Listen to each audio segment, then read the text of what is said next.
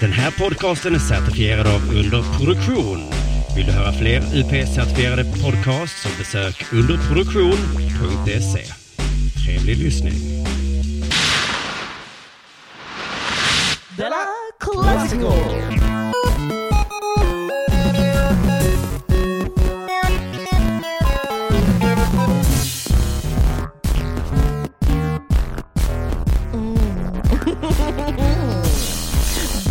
Della Ja, så har det blivit återigen, har det blivit, oh, har det blivit återigen? Så säger man ju inte. Man, nu man säger vi så här, nu har det återigen, nu har det återigen blivit dags att sparka igång. Är det helt, är det rätt, är det korrekt uttryckt? Ja. Sparka igång den här eh, forumet kallat Della Classico, där vi liksom mat, ja, ja ni fattar ju, de flesta av er som lyssnar, ni som hatar den här skiten, ni har ju slutat lyssna för länge sedan, och, men ni som lyssnar, ni kanske gillar det. Och ni har ju fattat, Harry matar ut sånt gammal skit. Inte skit kanske, men det är ju så här saker som fo folkets vilja, eh, folkets val, det bästa, Readers Digest, eh, det är sådana grejer vi liksom matar ut här. Och allt är liksom ackompanjerat av mig som heter Thomas Högblom som har fått den här uppgiften. Uppgift det är ju mer, jag får ju också, jag har ju fått betalt också lite grann. Jag hoppas det blir mer i framtiden. Ja, man kan alltid drömma. Uh, men jag annars, jag är mest snäll hålla på och gnälla, jag ska inte stå och klaga. Det har gått några sekunder av programmet, jag börjar gnälla på om pengar. Ja. Men jag, det, jag, jag har hälsan ändå hyfsat i alla fall. Jag tycker det är lite kallt här i rummet just nu så jag känner mig, jag ska så snart gå och ta på min tröja. Jag har även också lite ont i magen faktiskt för att jag åt eh, några smörgåsar här innan för att liksom ladda upp, ladda upp mig med kolhydrater och så, så jag ska bli liksom extra uh, så här, uh, taggad och forcerad och galen och så. Eh, men jag, har, jag tror att jag är eller inte allergisk, men känn, överkänslig mot vetemjöl kanske. För att när jag äter bröd så är det lite grann som att jag äter lava. Kan man, det bränner till, suger till, svider till i magen. Det, det ska inte vara så. Tänker jag heller. Men jag behöver inte äta, jag ska nog sluta med bröd, tror jag. För att jag, det är därför jag har gått upp så mycket i vikt. Så jag ska väl, vad äter, jag vet inte vad, vad äter man istället för bröd? Jag ska fundera på den saken. Eh, under tiden så kan ni ju liksom höra på det här lite på sådana gamla sköna grejer, det här som ni älskar jättemycket. Eh, på återhörande. Du lyssnar på Della Classic. Nu var det så att vi eh, tog inte med eh, hem en kattunge utan två kattungar. Oj, vilken lyx ändå. Att önska en ödla få två kattungar. Ja, men man får fylla upp där det dåliga samvetet. Eh, till den stora, eh, det var så att den ena katten försvann här, den kom inte hem. Nej, eh, och då ringde det då på min telefon från djursjukhuset. Och då, eh, vi har nyheter till dig. Jag tror att vi har hittat din katt. Den har sån här chip i nacken, du vet. Ja, ja, ja En chip i nacken. Eh, och, eh, eh, ja, vad roligt, så vad bra, sa jag. Då kom jag hem Ja, men vi har lite dåliga nyheter också. Den kan inte gå. Nej. Ja, den har blivit påkörd, katten. Av någon. Oh, förmodligen. Det är en gissning. Jag vet inte vad som hänt. Nej. Eh, vi åkte hem, upp dit, hämtade hem katten. Och eh, den här katten måste ju avlivas, tänkte jag. Så barnen, oj, oj, oj. De grät. Jag förklarar. Den här katten kommer vi åka upp till veterinären och då kommer den få somna in. Och de grät och de skrek. Oh, de grät och skrek. Sen åkte jag upp till veterinären och eh, eh då jag tog de en röntgenbild på katten. Det kostade 3500 kronor. Och den, ja, det är jag var på ryggen. De såg ingenting eh, på ryggen. Och jag fick medicin och sa, jag tycker vi kan, det här kan bli bättre. Ge katten en chans. Han kan! Varför sa du till dina barn att ni skulle... Jag var ju, var helt, lite... jag var ju helt säker. Snacka om glad överraskning. Jag kommer hem. Katten, tada, katten lever. Glatt, glatt i stugan igen. Sen, och mycket riktigt. Var ni tillbaks på noll eller var ni över noll då? Ja, jag, tror, jag, jag, jag tror att vi var lite över noll faktiskt. Ja. Katten, var... katten blev bättre, fick medicin och efter eh, några veckor så tänkte vi nu får katten gå ut igen. Den var helt bra. Aha. Sen Aha. gick det kanske en natt eller så, sen kom katten hem igen och kunde inte gå igen. Nej. Det är tur att du har det här muntra fnittret när du berättar Ja, men det, sorgliga och jag ringde, ringde upp till veterinären. Ja, nej, men då är det nog bäst att ni kommer upp hit.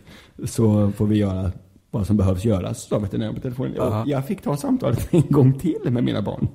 Nu förstår Men ni. berättar du en gång till att... Nu ska katten avlivas. men Anka!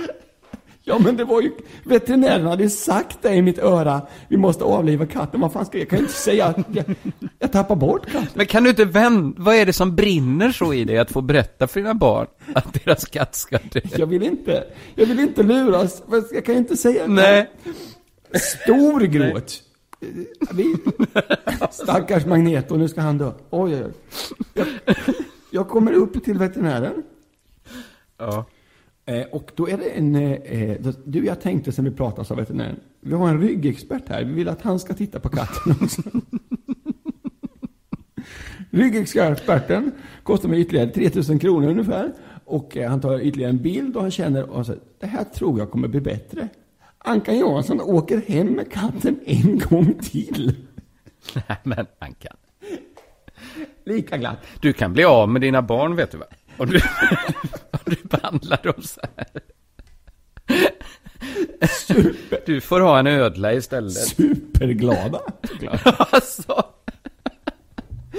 Ja, men det, det här var ju fett. Eh, sen vad som hände var då, då att eh, nu fick den här medicinen och till slut en morgon när jag kom ner här och det här var då i förra veckan så då låg katten bara här och vispade med benen. Den, hade, den, den katten, då hade det hänt någonting. Så då, eh, då fick jag då, förlåt. Då fick jag då, innan eh, barnen skulle iväg till sin förskola och dagis, eh, ta samtalet då en tredje gång. Nej, men. Då. Men nu är katten i alla fall död. Eh, Ja, och det var det var, jag skäms lite för att jag Och så jag mycket. skäms också för att skratta, för jag ska vara helt uppriktig, när jag väl var där uppe, det är en hemsk situation. Jag grät där uppe. Det så. Men det, är ju, det var ju, i all välmening så fick jag liksom avliva katten tre gånger inför mina barn. Della Classico! Sådär ja, nu är jag tillbaka. Jag har varit och tagit på mig en, en inte en tröja, men en skjorta, en flanellskjorta, en sån rutig flanellskjorta som jag köpte på um, mellandagsrean på Åhléns. Jag behöver inte säga vilket märke. Det blir lite sådär dumt, um, för att jag får inte betalt för att uh, säga sånt. Uh, mer prat om pengar, vad håller jag på med? Tyst, tyst. Um, uh, nej men vad skönt, men det, det, fan, det är sommar. Jag, jag tänkte det skulle vara mycket varmare. Trodde jag. Jag trodde, jag, skulle, jag trodde jag skulle kunna få göra det här programmet helt naken faktiskt. Navklätt, stå här liksom som någon slags sån här Anders Zorn och bara orera rakt ut i sommaren. Men så blev det inte. Jag är inte så förtjust i ändå så här att vara naken offentlig. Jag, all, jag gillar inte omklädningsrum och den typen av saker. Sådana här kallbadhus där man ska vara naken med massa... Det finns ju ett sånt i Malmö. Folk älskar det där jävla kallbadhuset. Jag har ju inte varit där men jag känner instinktivt att jag hatar det. Sitta bredvid gamla korv... Sådana här gubb, nej, korvgubbar. Jag vet inte vad jag menar. nej, ja, nej men sån här naken i grupp. Det, det känner jag, där går gränsen. Stopp. Hellre naken själv. Hellre är jag liksom en blottare, ensam blottare i ett elljusspår, än eh, att jag går till kallbadhuset. Ja. Eh, men det kommer, det kommer inte ske. Det kommer inte ske. Det är ju olagligt, ska man ju inte hålla på och... Det är ju inte lagligt. Det finns, det är mycket saker som inte är lagligt faktiskt. Det är... Mm, jag, jag måste jag, göra liksom en liten dementi här känner jag i, i programmet, eller dementi, en liten rättelse. Jag var med i en annan sån här podcastshow eh, som heter Mata grisen. Och där pratade vi lite grann om så här, jag fick frågan om du skulle vilja ändra någon lag. Eh, vad, vad, tre stycken lagar. Och då var den killen före mig, han började prata om så här, droger och prostitution, att han skulle vilja ändra på de lagarna. Och det hängde jag på lite grann och sa att jag ville ändra på de lagarna också. Um, men jag vill bara jag vill klargöra att jag är inte liksom för ett samhälle där man liksom går, att alla går på horhus och, och knarkar. Tvärtom, jag gör ju jätte, alltså jag gillar ju inte någon, sån. jag är ju emot de där sakerna i, till, men det är ju bara att det, att det är massor som inte är det. Det är ju så här också, i sam, det spelar ingen roll vad man lever i för samhälle. Det, du kan bo mitt ute på ett jävla tundra i Sibirien, nog fan gräver folk upp liksom någon slags rot eller någon mask eller någonting som lever under marken och liksom knarkar i sig den. Eh, eller, och, eller liksom startar bordeller och sådär. Så det är mer att det är eh, ett moraliskt gungfly hela tiden. Och folk gör ju det ändå. Så jag tänker att den där, det var så jag tänkte, så jag är inte, jag skulle kunna definitivt kunna leva i ett, om det förbjöds och imorgon, vi ska inte ha mera eh, liksom cigaretter eller alkohol eller någonting i det här landet. Helt okej okay för mig. Jag är en perfekta medborgare i en totalitär stat. Jag är underbar. Kuva, kom och kuva mig, ska du få se. Sätt upp förbud. Jag fixar det, inga problem alls. Fängsla mig, slå mig i bojor. Vägra mig alla njutningsmedel som finns. Inga problem alls. Du lyssnar på Della Classico. Ska jag börja ställa fråga till dig då, Jonathan? Har det hänt något sen sist? Jag har firat jul Ja. och blivit utslängd på grund av barnmisshandel. Utslängd ur din lägenhet eller ur Min julfirandet? lägenhet. Lycka till med det. Nej, här här ska du- slår jag mitt barn hur mycket jag vill. Ja. Men alltså ur julfirandet? Nej, från Lillskansen. Ah. Vi, var, vi var på Lillskansen. Det var massa människor där. Jag var där och då så leker jag en ganska rolig lek som jag leker med min dotter, vilket är att jag låtsas slår henne. Ja, men din sociala kompetens eh, vet väl om det, att du inte leker den leken utomhus? Jag, lek, jag tänker att lite att, att på såna här lekplatser är lite som, eh, på, som restauranger. Folk säger så här, "Shh, shh, tala inte om det här, folk kan höra. Men det är ingen som lyssnar. Folk är upptagna och leker med sina egna barn. Men det är en väldigt spetsig lek, det förstår du ju.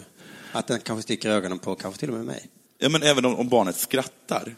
Om barnet skrattar så att, så, att, eh, så, att, eh, så att hon gråter, det är det som är problemet. Ja, men om jag då till exempel, eh, ja, jag vet inte, ser någon slå sin tjej. Ja. Och sen så att hon skrattar så att hon gråter. Ja, just det, skrattet, barnskratt är ju svårt att, Ja, barnskratt, det tycker jag är svårt att, att fejka.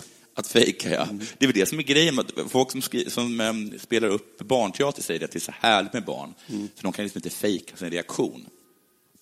Tycker de att det är bra, då skrattar de. Tycker de att det är dåligt, då kastar de ruttna tomater Ja, på så dem. Ja. Men hur går leken till? Leken går, går till så att hon kommer fram till mig och så bara låtsas jag att jag slår henne i magen. Ja. Eh, och så, liksom så slår Med knuten näve? Knuten näve. Och så stannar jag liksom precis innan då. Så bara blir det kanske lite så här. Ja, det blir lite dött, lite kittel där. ja, det blir kul. Eh, och så gör hon samma sak mot mig. Mm. Men så den här gången så tog jag ett steg till och började skalla henne. Så då skrek jag så här, nu ska du få, nu ska jag skalla dig. Men du måste veta att du skulle kunna hamna i trubbel, särskilt på Skansen. Men det var så himla mycket barn som sprang omkring och, och, och, och tjoade och kimmade. Och så just då de här tårarna som kom från mitt barn. Jag tror inte det var ett problem.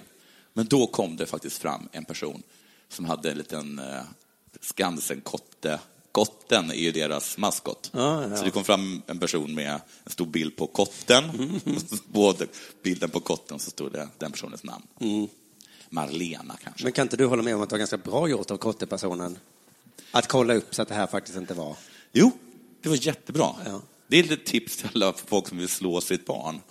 Gör det inte på Lillskansen. Men eh, du förklarade och eh, de godtog Jag inte. tror att hon såg ganska, de kom dit och såg jätteupprörda ut eh, och sen så såg de nog att hon, så såg de då alla tårar då av skratt och lycka. Eller så är de bara fruktansvärt dåliga på Och vad hände då? Kastade de ut dig, sa du? de sa, för, det var först kändes det som det var så, det var- jag blev faktiskt tillsagd att helt enkelt att jag var tvungen att slå mitt barn tystare. att jag slog mitt barn så att det störde andra. Ja. Och då är det väl inte lika härligt, va? Vad? Vad, vad, av dem? Nej. Nej, det var inte här. Eller jo. Eller nej, det Du var får gå ut anledning. och slå ditt barn. Ja, men, alltså, hade du gjort det hos mig så hade jag nog ändå sagt, men lägg av det där, jag vill inte... Jag vill inte se det där. Nej. Nej. Jag tycker det är en obehaglig lek. Det är en obehaglig lek. Ja, men som om ni skulle leka rysk roulette med revolver så kanske jag ändå ska säga, men... Ja, men gör inte det. Vi bara... Det, är inte... Det är, kul. det, är, det, är, det är inga riktiga kulor i. Man, får- det är bara krut. Liksom. Men har inte du hört att man får inte ens sikta med vapen på varandra med leksakspistoler?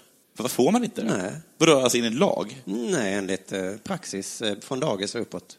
Man får ha dem. Ja, men jag till exempel har gett en pistol till mitt barn, så sitter Ja. men det får man inte säga då. Men du gick in på dagis med, ett- Nej, med, han är hemma hos mig vapen. Och, och du, han är hemma hos dig. Du har också tagit med dig en av hans fröknar. Nej, jag sa till mitt barn. Ja, du säger till ditt du barn. får inte göra det. Vad är det sant? Det är en regel som finns. Men, men vad himla tråkigt. Hur, hur kan Ja. du då leka att du ska döda någon? Okej, eh, om leken är igång då kanske. Men jag bara menar, det finns sådana sociala regler. Alltså om Att leken är igång. Ja, men det är bara att man- du inte tycker om att han smyger fram och så bara plötsligt har du en, en, en, en pipa mot... Nej. Nej. Nej. Jaha, jag visste inte att du, eh, att du sitter och läser Jesper Juhl och sådana saker. Nej, men jag, jag kan väl skämmas lite för det här, men det har, det har fastnat i mitt huvud. Så att jag tycker att det är inte konstigt att man leker inte misshandla sitt barn på Skansen. Jag tycker Nej. inte man gör det faktiskt. Nej, man gör det inte men hemma fick, Men, heller. ni fick, men du sa att du blev utkastad? Jag blev kändis för att bli utkastad. Jag, Ja. jag, jag, kan väl säga så här att jag, när jag sålde in det här precis innan så överdrev jag. Lite som Resursbank, eh, Lådbank. Ja, precis, precis. Det är en saga trots allt. Wow. Della Classico!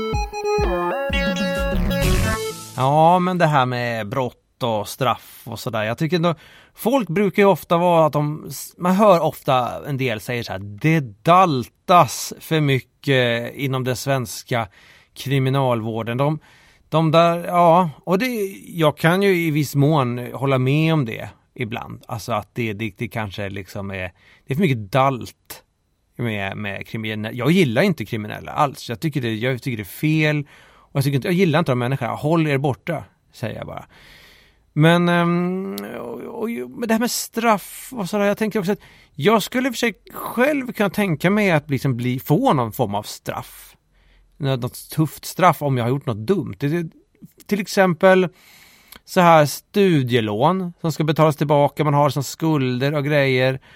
Och så, jag har ju gått en massa sådana här meningslösa utbildningar. Jag har liksom bara, jag har egentligen bara kastat bort pengar. Det är ju rent lurendrejeri. Jag har ju suttit på någon folkhögskola och, och druckit öl och lyssnat på Rage Against the Machine och spelat biljard. Det skulle jag ju liksom nästan vilja ha något straff för. Istället för att betala tillbaka de där pengarna så varför har inte CSN någon form av anstalt någonstans som de kan ha och liksom eller straffkoloni i norra Sverige. Man kan röja sly längs inlandsbanan. Det kan vara att man får jobba på något slags äldreboende någonstans. Vad som helst. Eller något, det kan vara kropps, så spöstraff. Jag blir offentligt piskat för mina folkhögskolestudier. En sån grej. Jag, fick, jag tycker det finns stora möjligheter här för alla möjligheter. CSN och alla mö- kronofogden och allt möjligt. Stympa mig. Vad som helst. Jag även hellre det. det är snabbt och effektivt. Så. Jag tycker det är... ehm, ja men det är, det brott och straff, det är en intressant eh, sak. Alltså, jag tycker ändå att... Eh, jag, jag såg den här filmen Flykten från New York. Jag vet inte om jag har sett den. Det är en sån här framtidsfilm. Utspelar sig 1900... Jag tror det är 1997 eller något sånt där. Och det handlar om att alla kriminaliteten i så här, New York har, har tagit över fullständigt. Och så har man gjort den här ön, där Manhattan, har man gjort om till ett fängelse. Man har satt stängsel runt och så är det militärer som vaktar. Och där inne bor ju eh, de kriminella. Eh, och där inne får de göra precis vad de vill, det är deras land. Kan man säga. Och jag tycker vi skulle kunna göra samma sak här i Sverige. Va? Vi kan ta Gotland till exempel. Kör alla, det är ju alltså alla kriminella till Gotland. Och det är perfekt för där finns ju också försvaret som kan liksom sköta själva vakthållningen. Det är bara att de riktar uppmärksamheten inåt istället. Eh, och, fast det är liksom ingen som vill fly från Gotland heller. Det är ju inget straff egentligen. Det är det finaste vi har. Vi ger de kriminella det allra vackraste som finns. Eh, och det är liksom fin altruistisk, ja det är lite så buddhistisk handling tycker jag. Eh, ja, jag ska, jag ska tänka mer på den saken. Du lyssnar på Della Classico. I senaste Della Sport, hörru, som du sa, att du lyssnade på i alla fall, så pratade jag om att eh, Trump blivit som Zlatan för nyhetssidorna. Vad Zlatan är, var för sportsidorna har Trump blivit för nyhetssidorna. Och att han då även börjat över eh, sportsidorna. Och det var ju in, ingen helt originell eller knasig spaning, utan det var ju mer något som vem som helst kan se va? Fast att de börjar ta över sportsidorna tyckte jag då, Nu Ja, det är ju ändå, men det kan ju också vem som helst se att det håller på att hända. Och, och även kultursidorna. Själv, givetvis tar Trump också över kultursidorna. Det är det, alltså allt annat hade ju varit förvånande. Eh, och jag läste en krönika av eh, Jens Liljestrand på Expressen Kultur. Och den eh, följde, så att säga, Trump-artiklarnas logik. Att man kan skriva om exakt vad som helst. Bara man nämner Trump så kommer folk läsa det. För då blir det angeläget. Jaha, så, så man kan använda det så också, att om jag vill skriva om att mitt lokala fik här mitt emot mig har stängt. Ja. Ingen bryr sig om det förutom jag. Men om jag lägger in... Men jag tror att det är liksom som, eh, in, som för något år sedan var invandringsfrågan sån att vilken fråga man än hade så kunde man få den och liksom hamna på överst på debattsidorna om man knöt den till invandringen. Ja, ja, ja. Så man såg så här, bostadspolitik. Så var man tvungen att formulera, var ska blattarna bo? Då kunde man liksom diskutera. Skolpolitik, hur gör vi med alla ensamkommande barn? Var ska de gå i skolan? Ja, ja, ja. Så, alltså det är ett sånt loop som behövs ibland. Eh, så att nu är det ju, nu kan man skriva vad som helst, men bara man nämner Trump så, så blir det en angelägen artikel. Men det här var ju också en kultursidartikel. Och det kan ju vara en blandning av egna idéer, åsikter, som man liksom spinner kring något som har hänt. De är ju mycket friare på kultursidorna. Har, du, har, du, har du tänkt på det att eh, kultursidorna har börjat märka sina artiklar med en liten ruta där det står Detta är en kultursidartikel. Det är bara kultursidejournalistens egna små tankar. Ja, Inget att bry sig om och bli arg på. Har du sett den? Längst upp står det, både Aftonbladet och alla tidningar tror jag kör den. Jaha, men, nej, men jag har sett den på så det här är en debattartikel. Ja, det är lite så här att man, eh, så att det här är inte fakta. Nej. Jens Liljestrand nu står i begrepp att häva ur sig. Det är hans egna små tankar. ja, ja, det är ett skönt Läs på egen risk. Ja, men det kan Men jag- behöva. Ja, så jag var varnad, men jag kände ändå att jag ville stanna upp vid Jens Liljestrands eh, artikel. Mest för att den var så himla, himla konstig. Rubriken. Därför är det så viktigt att just Chris ryter ifrån. Den rubriken har jag sett någonstans, ja. Det handlar alltså om Chris O'Neills Instagramkonto. Mm, som ni också han- pratade om sist. Det gjorde vi kanske. Det kanske kom upp, ja. Eh, han gick ut där och hade den kontroversiella åsikten bland kändismiljonärer att han är emot Trump och Jens Liljestrand har bestämt sig för att driva i bevis varför det är viktigt att just Chris O'Neill, prinsessan Madeleines man, instagrammar att han tar avstånd från Trump. Jag tänker vi går igenom texten liksom bokstav för bokstav. Och jag bara gissar, så- jag tror att en av anledningarna är, han ser precis ut som en Trump-supporter. Alltså du, du- alltså din knasigaste gissning, ta till den istället. och medan vi går igenom eh, texten Ja. så kan vi liksom i bakhuvudet hela tiden fundera på hur Jens Liljestrand egentligen mår. Och, ja. Hur det står till med, om det är en balanserad människa som skriver det här. Därför är det så viktigt att just Chris ryter ifrån. Jens Liljestrand jublar över Chris O'Neills civilkurage på Instagram. Scenen är Expressens kulturredaktion. Det arbetas fokuserat, allt man hör är snattret från de många tangentborden. Någon sliter med en deadline, någon mejlar en frilansare som vill ha betalt. Plötsligt avbryts allt av ett högt ihållande jubel. Det är Jens Liljestrand som varit inne på Chris O'Neills Instagram och sett att han tar avstånd från Donald Trump. Och Jens Liljestrand bara skriker rakt ut Vilket civilkurage! När han sen hämtat sig börjar han skriva sin artikel. Någon tittar upp och tänker, vad är det med Jens idag? Vad är det med Jens? Antingen är han glad eller han arg, men jag vet aldrig med den där Jens. Eller så har han installerat Instagram igen. Det vi har sagt att han ska vara lite försiktig med. Så här börjar texten. Man ska vara försiktig med jämförelser. Men nog har herr Chris O'Neill en del gemensamt med Donald Trump. Okej, tänker man. Nu ska det bli intressant att höra vad de två har gemensamt. O'Neill har en, ska vi säga, avslappnad attityd till monarkin.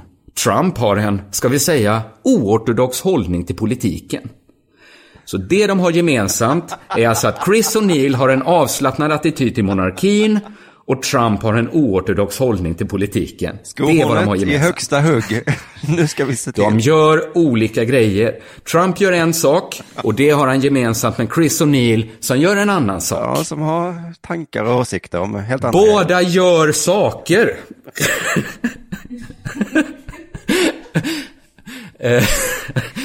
Prinsessan Madeleines make vägrar bli svensk medborgare, konvertera till Luther och upphöra med sin affärsverksamhet. USAs president vägrar sluta bete sig som en bufflig finanshaj och dokusåpafjant, trots att han numera är det etablissemang han sade sig vilja besegra. Alltså nu räknar bara Jens Liljestrand upp olika saker de gör och hävdar på att det tyder på att de har en hel del gemensamt. Det här, nu är det en sinnessjukdom. Jag håller med dig nu här. För att Vi, och vi bara påminner om vad han själv skrev. Man ska vara försiktig med jämförelse. Men med tanke på att Chris O'Neill vägrar bli svensk medborgare så måste man nog jämföra honom med Donald Trump som vägrar sluta bete sig som en bufflig finanshaj. är, jag, så, jag skulle så himla gärna vara på hans sida mot dig här, men jag, ja, jag ska försöka med nästa grej istället. Som finansmän med lyor på Manhattans Upper East Side föreställer man sig att de måste ha träffats vid åtminstone något tillfälle. På många sätt är de båda produkter av samma skikt, klass och sociala gruppering. Likheterna blir bara fler. Jens Liljestrand har inga problem att föreställa sig att de här två måste ha träffats. Åtminstone en gång. Eftersom båda bor på Manhattan. Om Jens Liljestrand träffar en svart person så är alltid hans första fråga Kände du Nelson Mandela? Så uh, de bor ju båda på Manhattan. Därför kan man föreställa sig att de någon gång måste ha träffats. Min, jag har en gullig historia om min farmor som jag ska flika in. Som bodde i ett hus i, i, i Småland. Och så träffade hon någon som hade varit i Afrika och så sa hon oj.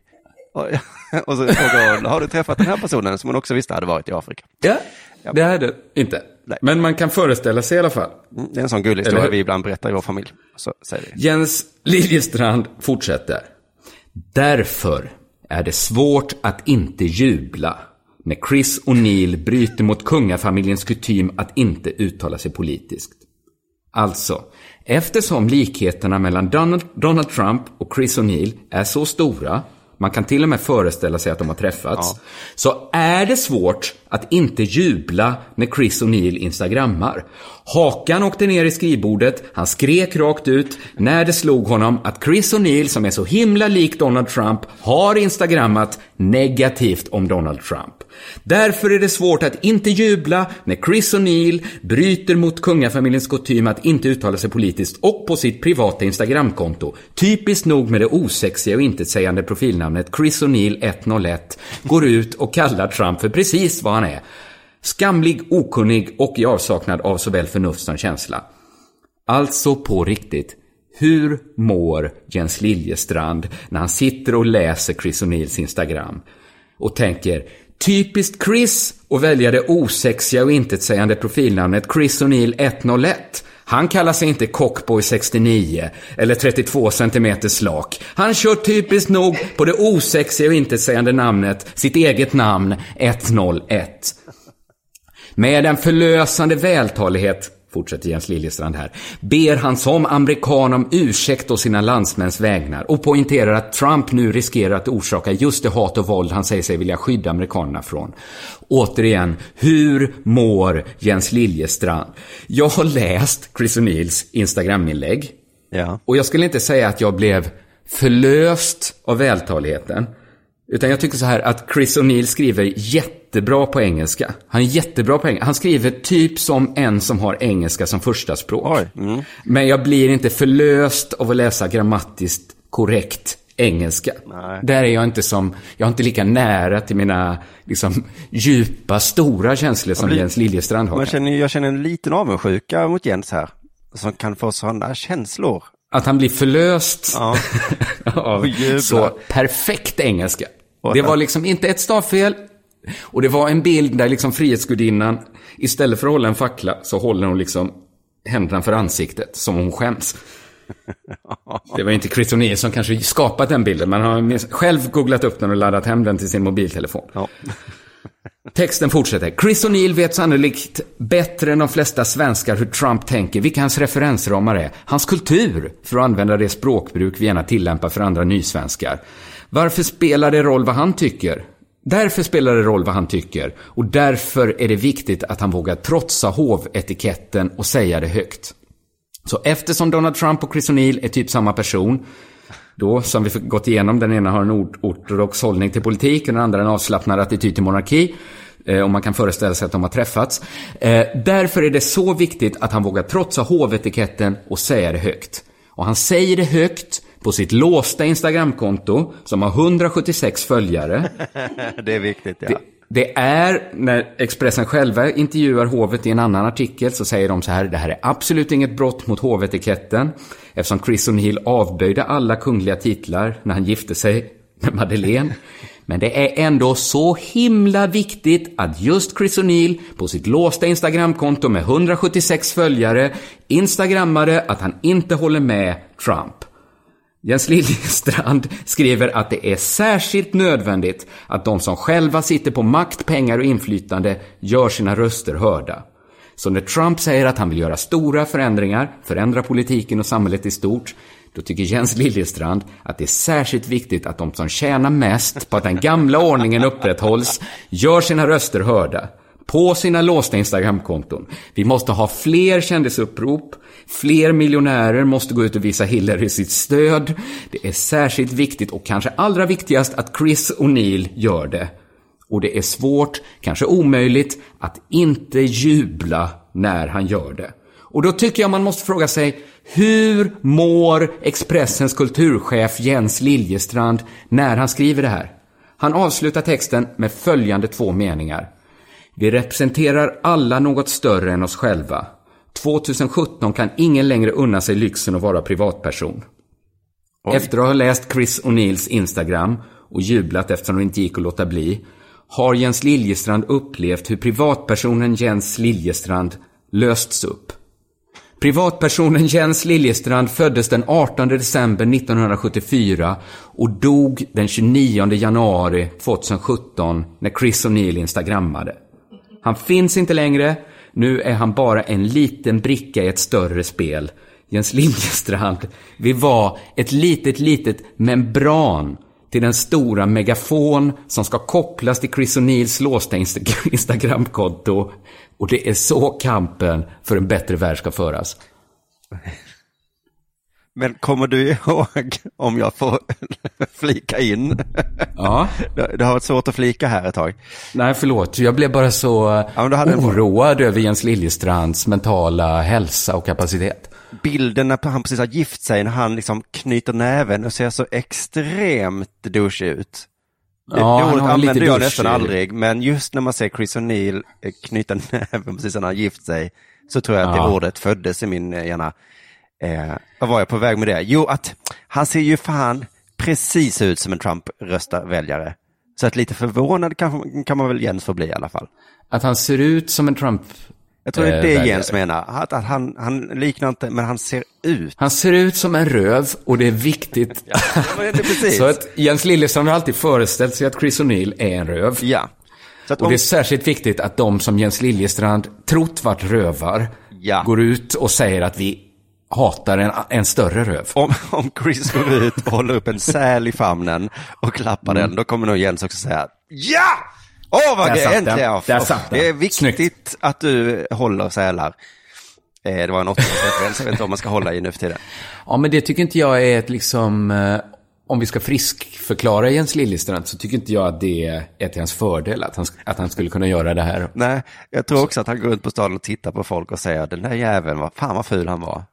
Eh, och så vi gå hem och kolla hans Instagram? Jaha. Väldigt osexigt profilnamn. det lovar gott. det gillar jag. Det gillar jag jävligt mycket. Vad är det här? Han tycker inte om Donald Trump. Det var intressant. Det var viktigt. Får bli, får bli artikel på det du. Därför är det viktigt Ja, att men fula vad har människor... hänt med människor på riktigt? Ja, det händer mycket nu med Donald Trump. Ja, men jag tror det är rätt också att privatpersonen Jens Liljestrand kanske inte finns längre. Att han har bara gått upp. Han är en del av en allmän psykos menar Att det inte, han har ingen psykos, men han är en liten del av en kollektiv psykos. Mm. Så kan det vara. Della Classico! Nej, men jag vill liksom inte skryta, men just den här idén om att göra om Gotland till någon form av straffkoloni eller en fristad för kriminella eller ett land, bov, tjuvarnas land. Eh, det är ju en genial idé alltså. Det är ju det är verkligen som två pusselbitar som passar ihop. Det finns ju på Gotland finns det så himla mycket som passar kriminella. Det finns mycket saker som tilltalar dem. Det är ju till exempel mycket så här nattliv, mycket restauranger och sånt där, kaféer. Man kan sitta eh, och göra olika planer och så. Man kan, det finns ingen järnväg till exempel för man, de, man tänker ju att så här kriminella de åker ju aldrig tåg. De gör, det gör de ju inte så att då slipper de tänka på det. Det är så här gamla medeltids liksom veckan och med gamla, gamla medeltida värderingar, blodshämnd och andra sådana saker som kan passa. Vi har en klädkod som liksom har skapat så mycket turister. Jag tänker på att det är mjukisbyxor och sådana flipflops och sånt. Som säkert går hem bland buset. Eh, vad har vi mer? Vi har, just det. Svenska Spel finns ju på Gotland. Spel och dobbel, någonting som älskas av alla eh, kriminella. Och de kan ju ta över hela den verksamheten, tänker jag. Alltså som en form av terapiarbete. Så liksom piffar man upp lite det där eh, det konceptet också. Det kan, alltså kenodragning med Lasermannen eh, och sådär. Det är ju ett stort uppsving för alla inblandade. Win-win situation säger jag bara. Sådana här, jag ska skriva ner de här grejerna på en, i ett brev och skicka till berörda myndigheter. Det ska jag göra. Själv, eh, jag måste lugna ner mig. Jag blev alldeles uppfylld av min egen eh, genialitet här. Känner jag. Jag, all, jag ska ta en, eh, alltså, tar en paus helt enkelt. Ta en, en, en glas mjölk eller någonting och bara varva ner lite. Så ska jag. Jag tänkte prata lite om Folkoperans vårsatsning. Där har vi något. Ja, den är väl du sugen på. Förklädd Gud, som har premiär den 15 februari. Det är alltså Lars-Erik Larssons svit med text av Hjalmar Gullberg. Som hade urpremiär i Sveriges Radio 1940, under kriget. Nu är det dags igen. Eh, många säger ju att tiden går igen, så det kanske är passande. Så här Ja. skriver eh, Folkoperan på sin hemsida. Folkoperans vårsatsning är Förklädd Gud. På scenen står bland andra Lill Lindfors, Björn Kjellman, Astrid Asefa och dragspels, dragspelsvirtuosen Lelo Nika tillsammans med EU-medborgare. Så det De blir också EU-medborgare? till exempel Lill Lindfors, Björn Kjellman, men också EU-medborgare. Även rapparen Petter ska vara med, så det är Lill Lindfors, Björn Kjellman, rapparen Petter och EU-medborgare. Visst blir man nyfiken på EU-medborgarna? Ja, det är ingen som är från Christiania i alla fall. Nej, där slutar EU. Men kommer det kanske en spagettikokare från Italien? Mamma mia, jag vara EU-medborgare! Kommer det kanske en belgisk pedofil som äter på ett stort block av vit choklad? Eller kommer det en stor naken finne som slår sig med ett björkris? Perkele, jag vara EU-medborgare! Men Kanske vi- kommer det en tysk i lederhosen och jättestora mustascher och blåser i ett jakthorn. Ja. Och så känner vi vad olika vi är. Men vi är ändå lika för att vi är fan med i EU. Ja, vi är alla EU-medborgare. Visst blir man nyfiken på vilka eh, EU-medborgarna är. Ja, Eftersom det är Lill Lindfors, Björn Kjellman, rapparen Petter och EU-medborgare. jag måste få flika in att eh, rapparen Petter dyker ofta upp. När, man, när man läser SJs, eh, vad heter den, kupé. Så är det ofta några sådana här knasiga föreställningar. Och så är det rapparen Petter som är med. Att han, Rapparen Petter satsar på att få barn att läsa. rapparen Petter startar krog. och rapparen Timbuktu är ju också. Det är kanske våra mest eh, renässansrappare vi har, som kan lite av Ja. varje. EU-medborgare är alltså kod för rumänska tiggare. Ja, just det. Det anade jag nästan. Ja, och jag känner lite att det kanske inte uppgraderar rumänska tiggare att kalla dem EU-medborgare. Att det finns det här att det fortfarande finns en materiell verklighet där de tvingas tigga. Att det snarare devalverar ordet EU-medborgare. Om EU-medborgare numera betyder tiggare. För då, om det är så, så förstår jag ju de eh, britter som inte ville vara med i EU. Att man är hellre britt än EU-medborgare. Ja, jag är fan ingen EU-medborgare. jo, det är du. Men, ja, Nej, du. Jag är som Björn Kjellman, rapparen Petter och Lill Lindfors. Eh, Ola Söderholm har pratat om det här tidigare, att det liksom inte hjälper att byta namn på en städare till smutsingenjör, doktor i WC-anka, greve mopphink. Man hö- höjer liksom inte statusen på städare för det, utan man sänker statusen på det man kallar dem. Mm, jag har faktiskt aldrig hört EU-medborgare innan. Jag har hört. EU, EU-migrant är ju ganska vanligt. EU-migrant, men det här tror jag är liksom nästa eh, steg av förfining. Nu är det i alla fall bestämt att människor som kommer hit från Rumänien och ägnar sig åt att sitta på knä och be om småslantar inte ska kallas tiggare. Man Nej. är inte det man gör, Nej, kanske. Det är lite som Anne Heberlein säger, att man inte är bipolär. Man har en bipolär störning. ja, ja, ja. Ann Heberlein är inte galen, men i perioder så lever hon varje vaken minut som om hon vore galen. ja. Hon har galenskap. Hon har galenskapen i sig. Hon är inte galen. Eh, Så det, man kanske kan köpa det helt enkelt, att man inte är det man gör. Men jag undrar ändå om EU-medborgare är det bästa samlingsnamnet man, hade kunnat, man kunde komma på. Hade det inte varit bättre med till exempel, på Folkoperan kommer du få se Lill Lindfors, Björn Kjellman, rapparen Petter och några riktiga kingar. Såna kingar! Såna kingar är de! Kommer hit och kingasar. Om vi ändå bara ska kalla dem någonting. Så varför inte kingarna?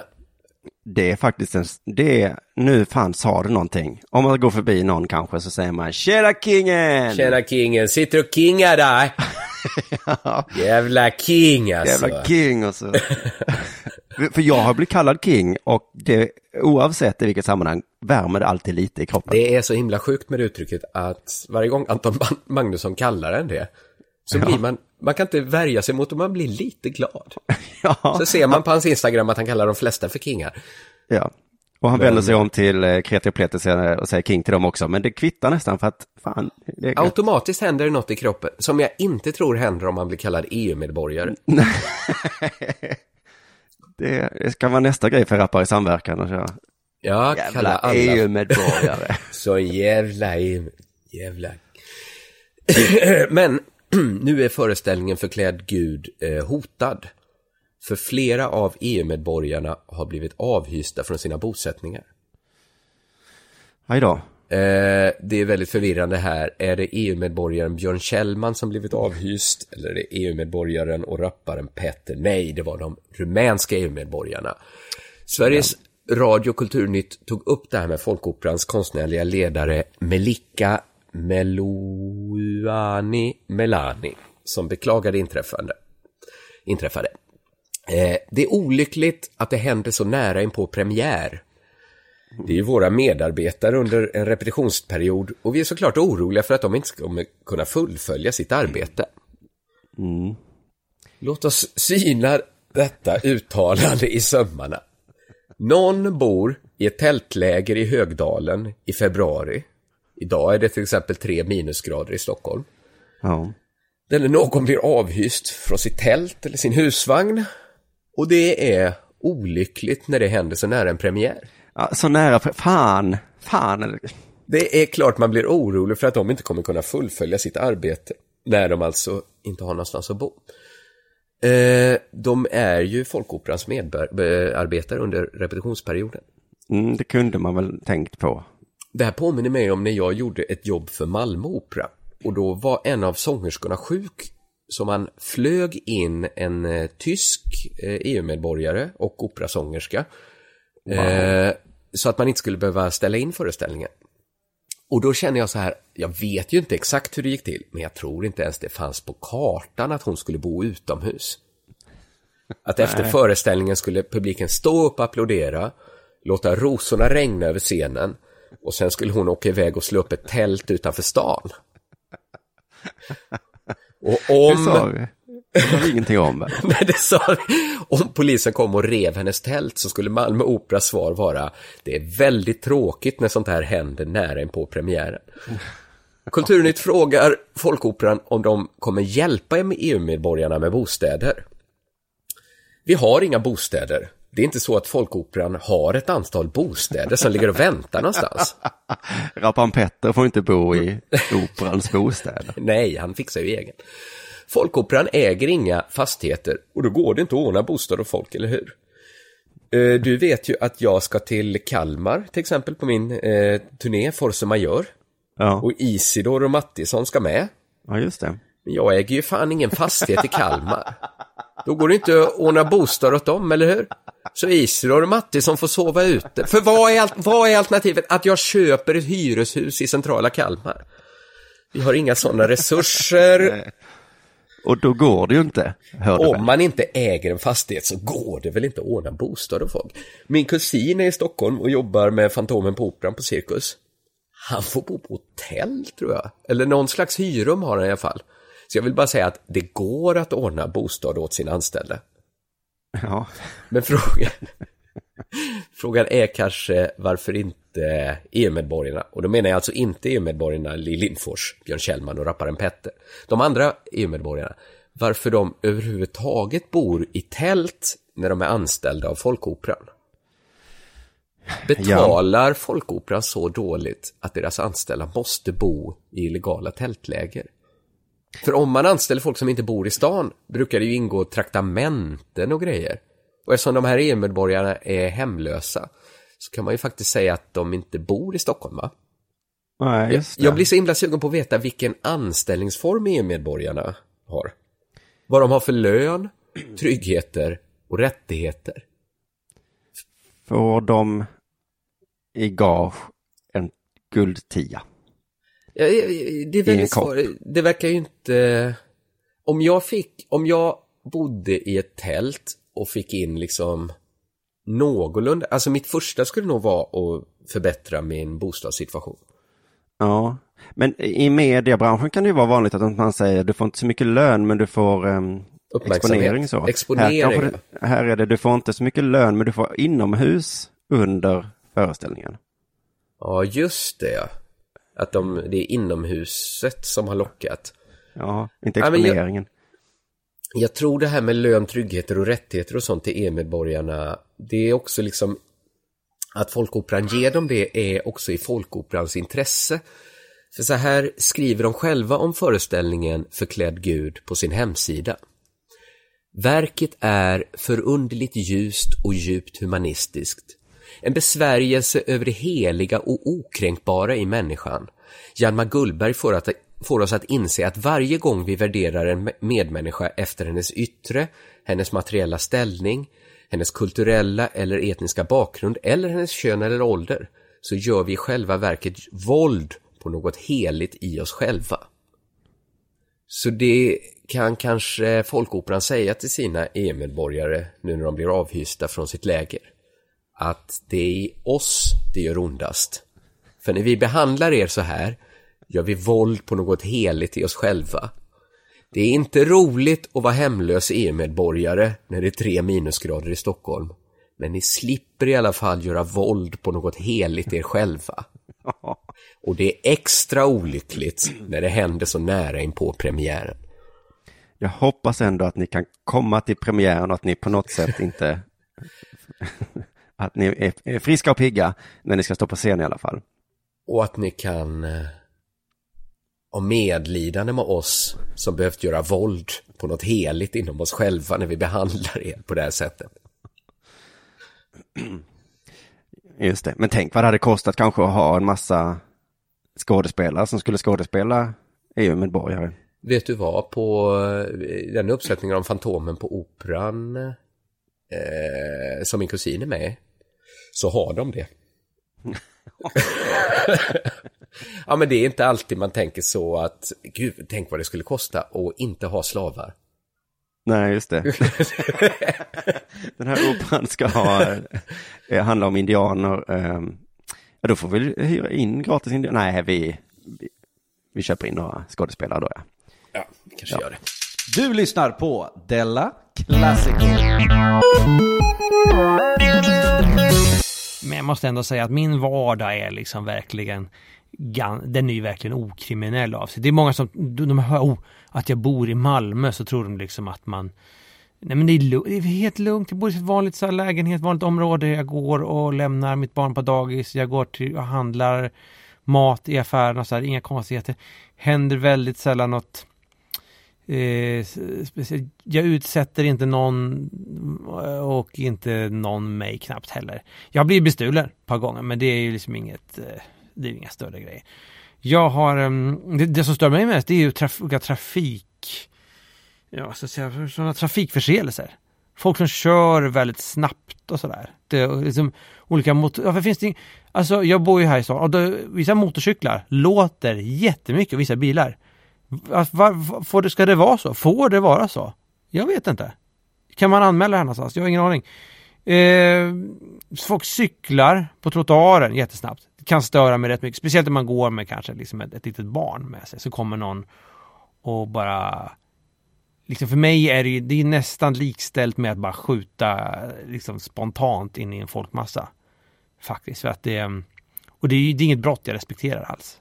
Faktiskt. Jag respekterar ju mer än ett planerat mord. Att man överlagt. Att han hade, hade cyklisten siktat på mitt barn hade den fått min respekt. Helt bara planlöst, åka in, runt och lyssna på någon sån här musik, någon jävla Avicii eller någonting och sen bara köra rakt in i en unge. Nej, där känner jag liksom att eh... Men annars så, jag är själv inte speciellt kriminell. Jag tror ju, jag har svårt att se vilket brott jag skulle kunna göra. Eh, eh, jo, men kanske eh, ja, något slags, någon slags större, någon slags de här Ocean, Oceans Eleven, eh, någon sån man gör ett planerat inkupp så. Och stjäl någon, eh, vad ska vi säga, någon, någon speciell diamant och så. Det skulle jag kunna tänka mig. Och sen även faktiskt också, det här är ju lite grisigt, men just det här att tända eld på någon byggnad eller någonting sånt. För jag tror alla är pyromaner, alla älskar att elda upp grejer. Det är någon sån här mänsklig jag tror det är någonting som finns inbyggt lite grann som så här att eld är någonting väldigt exklusivt, någonting fint, någonting man vill, som man vill bara ha mer och mer. Jag tror alla normala personer skulle kunna sätta tutta eld på en större offentlig byggnad utan att större beteckning. Svårare att mörda någon, det är lite grisigare, det är lite mer, det strider lite mer mot eh, sociala koden. Men att elda upp någonting, sätta fyr på någon väderkvarn, en gammal sån här fin eh, hembygdsgård. Det skulle, många skulle, de flesta skulle sova ganska gott faktiskt. Eh, det, det tror jag i alla fall. Men det, det är inte aktuellt för mig, utan jag ska inte göra det. Men eh, som sagt, man kan leka med tanken, leka med den underbara tanken.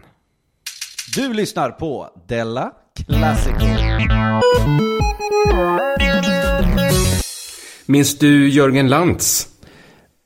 Nej, ja, ja, ja, jo det gör jag. Mm. Det var han som var mannen i björnekostymen. Just det. Som också gjorde Björnes röst. En intressant björntolkning. Eller hur? För många skulle gått direkt på första tanken och tänkt eh, Brummelbjörn, mörk röst. Just Men det. Jörgen Lantz tänkte tvärtom och pratade med sin allra, allra pipigaste röst. Han gjorde det. också den pipiga rösten åt eh, Nasse Nalle. Jaha. Ja, så han har han- samma röst åt grisar och björnar. Eh, ja, han har nischat in sig där på den eh, pipiga spektrat av, av röster. Nu ska vi spela in Rödluvan. Kan du spela vargen? Jajamensan. Mm. Hej Rödluvan! Vi ska äta upp dig! Kan vi testa att du gör Rödluvan? eh, framförallt är han ju känd för att ha gjort Björnes magasin mellan 1987 och år 2000. Sen fick han kicken. Och det är inte riktigt klart vad som hände där. Det man vet är att han släppte en skiva med Björnesånger som SVT hotade att stämma honom för. Och så fick han sparken i samma vända. Aha, var det någon som tog över björnmasken då? Eller Ja, det, var det fanns någon annan. Ja. Eh, men man fattar inte riktigt varför han fick sparken. Aftonbladet frågade sina läsare om det fanns någon som kunde ersätta Jörgen Lantz då när han fick sparken. Eh, 18 500 svarade och 91 procent sa nej. Det finns ingen annan som kan ta plats i den björndräkten och prata med pipig röst. Och Jörgen Lantz ville heller absolut inte sluta. Men då eh, hade någon, eh, då hade det blivit extremt viktigt för SVT att det var någon annan med pipig röst som var i kostymen. Eh, det här var lite bakgrund bara, för nu har det ju gått 17 år och det är inte längre aktuellt. För nu är Jörgen Lantz tillbaks med en helt ny karaktär. En ny karaktär. I SVT? Eh, nej, eh, en scenshow. Det råkar Ja. också vara en björn eh, som eventuellt pratar med pipig röst. Det här är en helt annan björn, säger Jörgen Lantz. Jaha, du. Det är en helt annan björn som spelar showen Björnes favoriter. Så det är en björn med ett annat namn. Som, Nej, samma namn. Samma namn. Som Men gillar eh, Björne också då? Nej, gi- den heter Björne. Okej. Men det är inte Björne från Björnes magasin, utan en annan björn som heter Björne. Undertitel till showen är Björnes magasin 30 år. Så det är en annan björn som heter Björne som bor i ett helt annat magasin som kallas också Björnes magasin eftersom... Ja, vad skulle det heta? Och den andra Björne flyttade in i sitt magasin för 30 år sedan, precis som den första Björne. Så, så, så, så båda Björne har ju 30-årsjubileum. Det- Men Men förlåt, när du säger flytta in i ett magasin. Jag trodde alltid att det var, magasin, att det var ett program som var ett magasin liksom. Ja, men eh, Björne bor väl i magasinet? Han har haft magasin. Båda Björne, båda björnarna Björne har haft varsitt magasin i 30 år. Jaha, men vad, vad är ett magasin då? Nu kanske jag är dum här. Ett magasin, det är ju någon sorts förråd va? Jaha, Där man magasinerar saker. Och så då man om man är en fattig björn kanske man bor i ett magasin. Aha. Det är mycket bättre än de flesta björnar bor ju. De flesta Mm. bor ju ute i naturen. Eh, det här är då en helt annan björn i alla fall. Jörgen Land säger så här. Det är, det är inte Björne, det här är en annan björn. Det finns ju tusentals björnar. Låtarna vi sjunger heter Björnes favoriter. Det är inte identiskt med gamla Björne. Och han gör... Jörgen. Han gör den här showen ihop med Kosto, nej, Koste Apetrea, som är en gitarrist som spelat ihop med Samla Mammas Manna. Som en händelse gjorde han också vignettmusiken till Björnes magasin. Alltså då den första Björnes magasin. som är ett helt annat magasin där en helt annan björn bor eller vistas. Kerstin Wikström och Anders Lindner kommer också vara med i showen. Och här blir det lite likt det första Björnes magasin eftersom de var med där som magasinskompisar i programmet. Men det blir... Det kan ju också varit kompis då med den andra Björne som också hade ett... De kan ha haft flera björnkompisar. Det finns ju tusentals björnar, Källa, Jörgen Lantz. Men, men förlåt, men är det liksom, har SVT intresse av att det inte är samma Björn? Eller varför, varför gör han så stor Eh, affär av att... Det kan ju vara så att det bara är en helt annan karaktär som Jörgen Lantz har filat på. Han säger att det kommer inte bli samma sak eftersom det är en helt ny björndräkt. Ja, men okej, här får jag ändå ge honom lite. Är det en helt ny Ja. björndräkt så... Det är en helt ny björndräkt, för Jörgen, Jörgen Lantz säger, jag har inte den kostymen. Den är SVT, så vi kan inte använda den. Nej, nej. Men jag låter ju som jag gör, och det är min röst.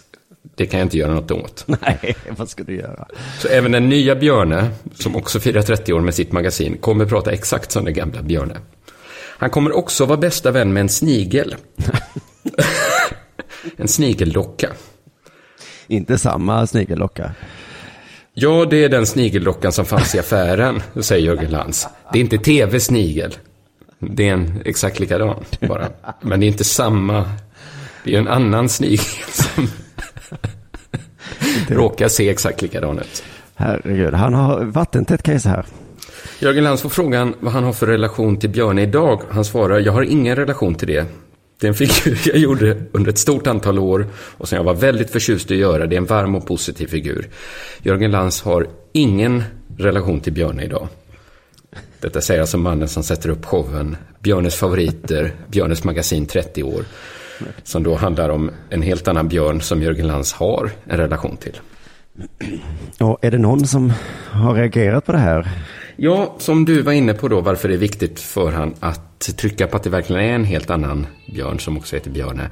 Eh, SVT är inte helt övertygade om att det verkligen är en helt ny karaktär. Nej. Nya Björne. Så de har kopplat in sina jurister.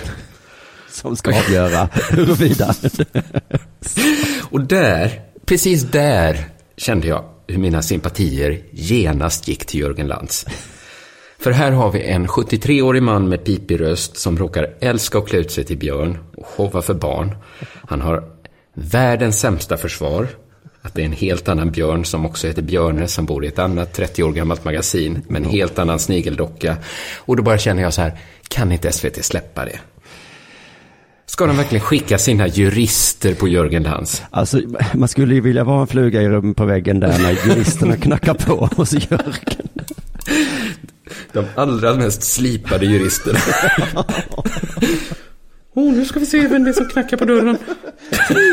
Kan du öppna? Ja, då ska vi se. Paragraf 13 förutsäger. SVT slipade jurister mot en man med pipig röst och världens sämsta försvar. För vem är det roligt? Kan de inte bara unna Jörgen Lantz och göra det här? Jag säger gör en eh, del i showen som är juristerna kommer in.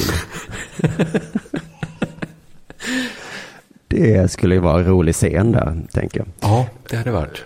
Men eh, nej usch, eh, släpp, ja, men precis, ni måste inte ha. Ni måste inte, ni vet att han inte har ett case. ja. men det är lite som när man har en kompis som man vet att den ljuger och så tänker man, ja ja, okej. Ja, ja, ja. ja. Mm. Precis. Uff, stackars Jörgen. Mm. Men också Jörgen. Men också Jörgen, du vet att det inte är en helt annan karaktär. Du vet att det inte finns två björnar som heter Björne som haft ett magasin i 30 år och en Ja, alternativt ska kalla den för, ja, jag har inget bra tips kanske, men ja. Du lyssnar på Della Classico. Jag känner ibland att det är det här med att inte ha liksom ett eh, noga genomskrivet manus, det är liksom inte helt optimalt alla gånger. Det är, jag sa, jag tar tillbaka, jag sa ju det här med att jag med att elda upp byggnader och så här, jag tar, jag tar tillbaka det. Det var mer, jag, jag, kan, jag, kan jag kan verkligen understryka att det är lite skoj sådär. Lite skojgrej, eh, det här med eld, alltså jag, jag är ju inte en pyroman. Jag tror inte att folk vill elda upp, det är ju förskräckligt. Och bli liksom brinna upp. Att någon tänder på ett hus och då brinner den upp. Så det är ju inte alls för och det är inget kul alls. Så, ska jag säga. Eh, nej men så, manus. Det är ju vill. Manus har man ju ofta när man är på teater, man är skådespelare. Det är därför det är liksom skådespelare har ett manus, för att de liksom inte bara kan... Du kan inte gå upp på Dramatens stora scen och börja liksom säga vad som helst. Börja prata om liksom inköpslistor och sånt där mitt under en sån här Molière-pjäs. Det blir ju bara förvirrande. Eller i filmer liksom att man börjar liksom snacka om vad man ska göra i helgen och så mitt under en inspelning. Så har man manus till det. Jag vet det här för jag har ju jag har ju skådespelat en hel del. Jag, jag kan faktiskt, jag har nog skådespelat så pass mycket att jag skulle kunna kalla mig skådespelare. Inte professionell skådespelare, men eh, jag har gjort det så pass många gånger eh, så att, eh, ja men jag kan nog skriva det i mitt CV i alla fall. Jag vill, eh, och, och här är ju CV, precis, det, det är det här grejen, den pinsamma grejen att jag håller på att söka lite jobb. Och jag tror, jag, eftersom jag ändå har liksom snackat om saken tidigare, så kan jag ju ändå, jag kan till, liksom som ett, vad ska man säga, som ett tillägg till mitt det här, till, vet du, skådespelare som ni eventuella sådana arbetsgivare ute. Om ni behöver, om ni har någon sån här, det kan vara kanske någon reklamfilm eller någonting sånt, där man får pengar helst. Inte någon sån här, äh, vi gör ett skolprojekt, vi ska göra en fantasyfilm, tre timmar, det ska vara ute i skogen eh, på lördag kväll. Ingenting betalt. Det, är de, nej, det hoppar jag nog gärna. Men gärna någon kort inspelning, någon form av reklamfilm där... Ehm, eller någon tv-produktion. Jag har ju varit med i flera olika... Jag har ju varit med i... Ja, det är alla möjliga SVT-produktioner. Till exempel Anders och Måns, de här har jag varit med i lite grejer. Robins och... Vad fan heter den då? Den här uh, Starke Man. De här Anders och... Vad fan heter de? Hip Hip gänget då. Lite, bara, lite diverse grejer sådär. Har varit med i. Eh, så jag, kan, jag har gjort det här, jag har gjort de här grejerna, jag har gjort massor med så här små kortfilmer och spelat teater och det ena och det andra. Så om ni behöver någon skådis, jag är billig också för jag har inte liksom, jag har inte gått scenskolan och sådär så att det är, jag kan ju dumpa, ni kan dumpa priset. Jag, jag kommer göra exakt samma sak som dem. Jag kan inte kanske begråta på beställning och sådana saker. Jag kommer inte liksom klä av mig naken och så på film, men i övrigt är liksom det samma. Så hör av er till eh, mail då, alltså Thomas utan, utan H, utan bara thomas.hogblom at eh, gmail.com så liksom så kommer så kan vi snacka, skicka manus så kan vi liksom och sen så gärna lite sådana vad är det betalt och sådär. Så är jag jätteintresserad. Det om detta. Della Classico! Vi har ju pratat en del om eh, Röska museet här i Delart. Mm. Kanske Mm. för mycket till och med, men eh, det fortsätter hela tiden leverera tycker jag. Det är ett museum med så pissig stämning att de anställda hävdat att det är farligt för den psykiska hälsan att jobba där. Och det har varit eh, svårt att veta, ligger problemet hos personalen eh, eller hos de många cheferna eller kanske ännu högre upp i hur Göteborgs stad rekryterar sina chefer. Så jag tänkte, jag, jag, jag, liksom punktmarkerade en av cheferna. Eller, Jag googlade en av cheferna. Eh, Mm. Är det den nya eller gamla chefen? det är en av de gamla, Susanne Eriksson.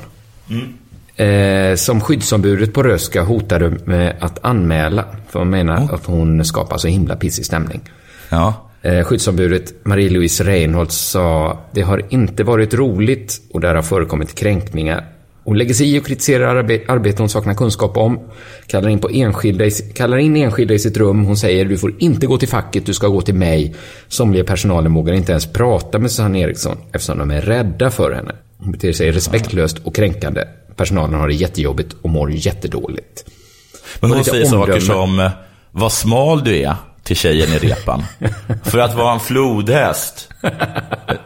Kan man tänka sig att de säger sådana saker. Det kan man faktiskt göra. Hon ska också ha haft åsikter om vilka färger de anställda ska ha på kläderna och sånt. Ja. Alltså ganska, ganska pissigt beteende låter det som. Ja. Eh, om man söker bakåt i Susanne Erikssons karriär så hittar man eh, till exempel en artikel på Sveriges Radios hemsida från april 2011. Då, det handlar om Vaxholms kommun som måste se sig om efter en ny socialchef efter beskedet att Susanne Eriksson efter bara ett års anställning säger upp sig. Hennes guldkantade anställning i kommunen har under året som gått fått mycket kritik. Eh, hon sa upp sig för att hon inte orkar jobba i ständig motvind mot personalen. Det är ofta problem med personalen när Susanne Eriksson är involverad. På mötet med personalen ska kommunledningen enligt uppgifter från Socialdemokraterna ha anklagat de anställda för att ha varit illojala och läckt uppgifter om hennes kontrakt i media. Och då, då hade hon ett kontrakt eh, där hon fick ta ut uppenbarligen hur mycket pengar som helst i övertidsersättning. Som tog ut över Jaha. 100 000. Och sen så kostar hon också 80 000 kronor extra eftersom hon valde att pendla till Vaxholm från Göteborg. så hon behövde liksom flygas upp varje gång hon behövde jobba och då behövde hon bo på hotell. Och man frågar sig såklart varför de inte tog någon som bodde lite närmare Vaxholm. Var Var det hon så hon himla kompetent? Hon måste ju vara det. Totalt nio perso- personer sökte tjänsten, men hon var den mest meriterade enligt kommunchef Per Törnvall. Och man, man fattar ju inte riktigt, jag tror det är ett problem att vi inte förstår hur folk rekryteras. Men det Nej. verkar i alla fall vara superviktigt att vara meriterad. Alltså, jag skulle säga att det, jag har, i de jobb jag har sökt, eh, när jag fått frågan, eh, det är allt som att de har, det är som att de alltid har utgått ifrån att man bor på det stället där man jobbar. Ja, just det.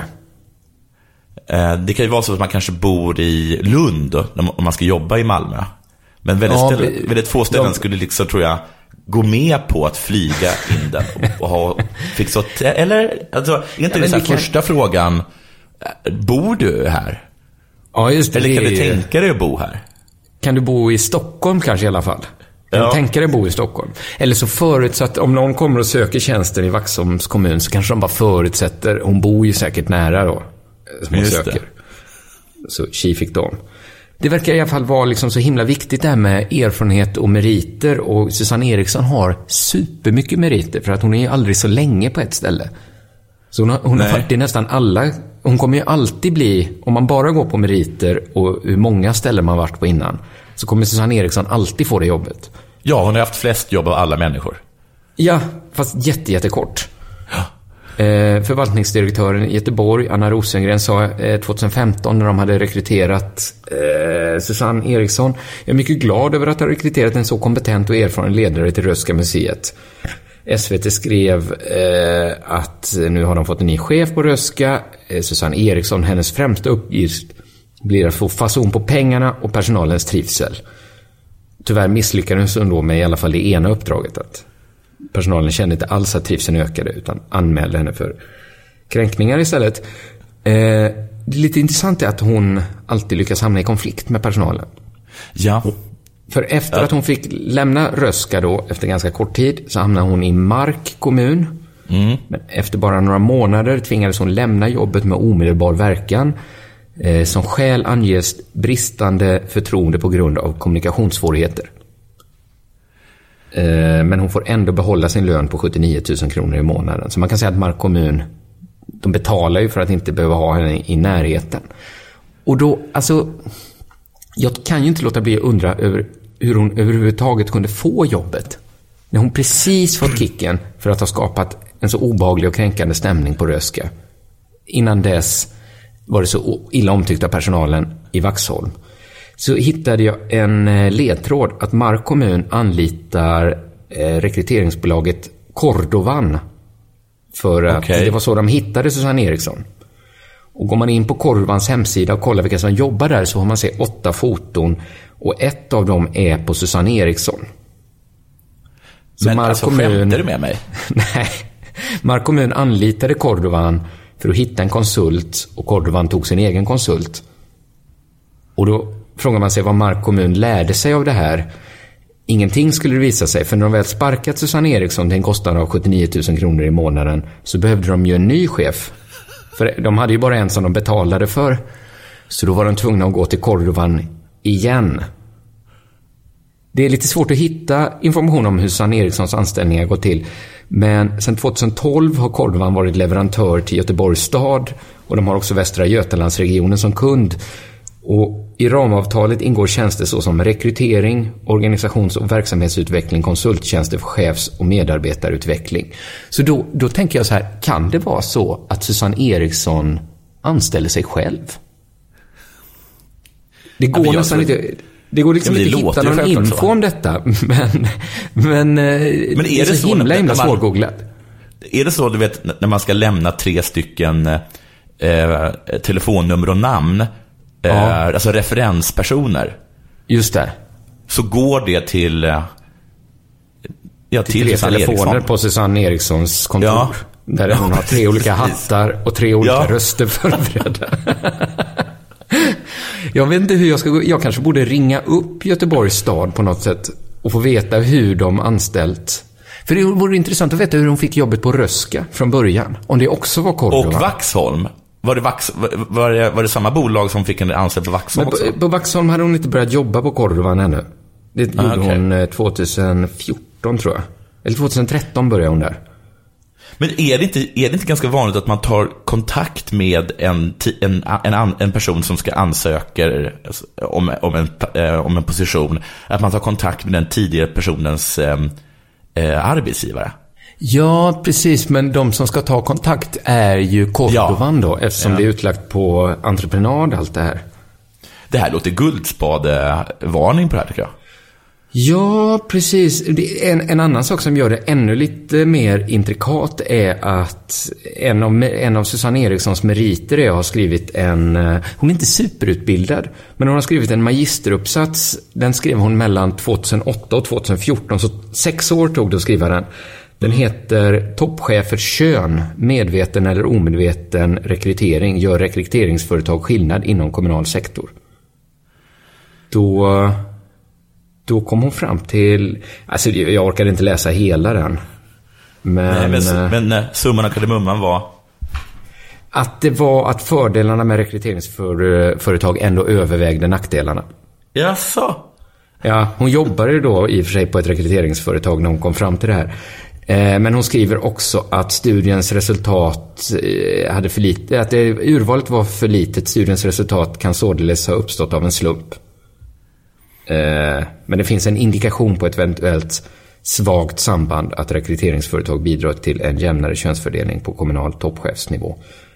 Men lite part i målet tycker Ja, alltså, säga, det är ett väldigt bra sätt att få ett jobb på ett rekryteringsbolag genom att Ja. hänvisa till sin magisteruppsats där man kommer fram till Hur bra Ja, rekryteringsfråga. precis. Synd att hon inte hade statistik som kunde täcka det bara. Men annars bra. Eh, Det finns ingen statistisk signifikans. Men, men ändå en svag indikation på att hennes jobb är det bästa för kommunen. Men okej. Så, ja precis. Men en stark magkänsla. Superstark. Della Classico! Jag känner att jag har pratat liksom så här otroligt forcerat och starkt eh, det här avsnittet. På något vis känner jag att jag har liksom en knut, jag har en knuta på stämbanden tror jag. Att jag har liksom har, jag har inte alltså andats ordentligt. Jag har pratat, jag har pratat här uppe liksom. Så att jag, ja. Ja, ja, det hör jag också. Återigen, det är skådespelar, eh, jag kan förställa rösten.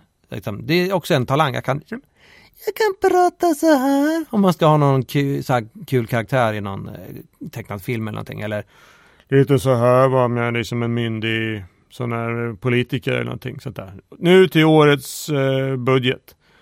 Sådär. Så det har jag, det är liksom ett eh, olika skills som jag har som eh, artist, artist, vad fan säger man? Ja, entertainer, ja, skådespelare. Ja, skit i det. Eh, vad fan, det här, Della Classico har ni lyssnat på och jag heter ju Thomas Högblom. Om det har undgått någon. Jag kan säga det igen, Thomas Högblom. Och jag har ju pratat här mellan alla de här underbara, härliga, fantastiska klippen med de här människorna som ni älskar så himla mycket. Och så har jag liksom upptagit er tid emellan det. Och den som har liksom klippt ihop och liksom snickrat ihop all den här eh, soppan, han heter ju Niklas Runsten. Och han har eh, glasögon och är ganska lång. Jag tror han tränar ganska mycket. Eh, har väl på sig lite så här pff, ja, snygga kläder. Kanske inte sådana kläder som jag skulle ha, men eh, han är lite yngre och sådär och eh, det är säkert helt rätt. Trevlig man.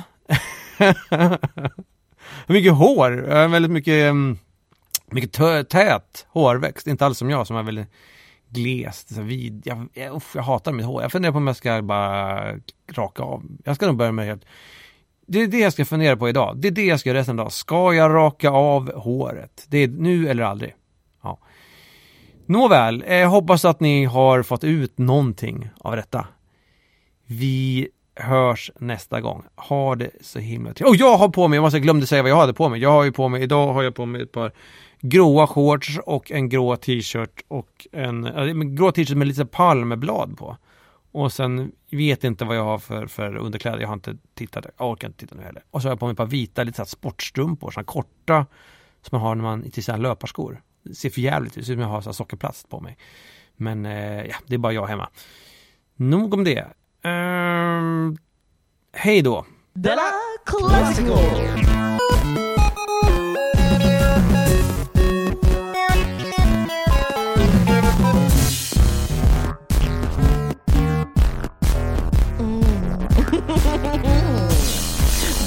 Della Classico!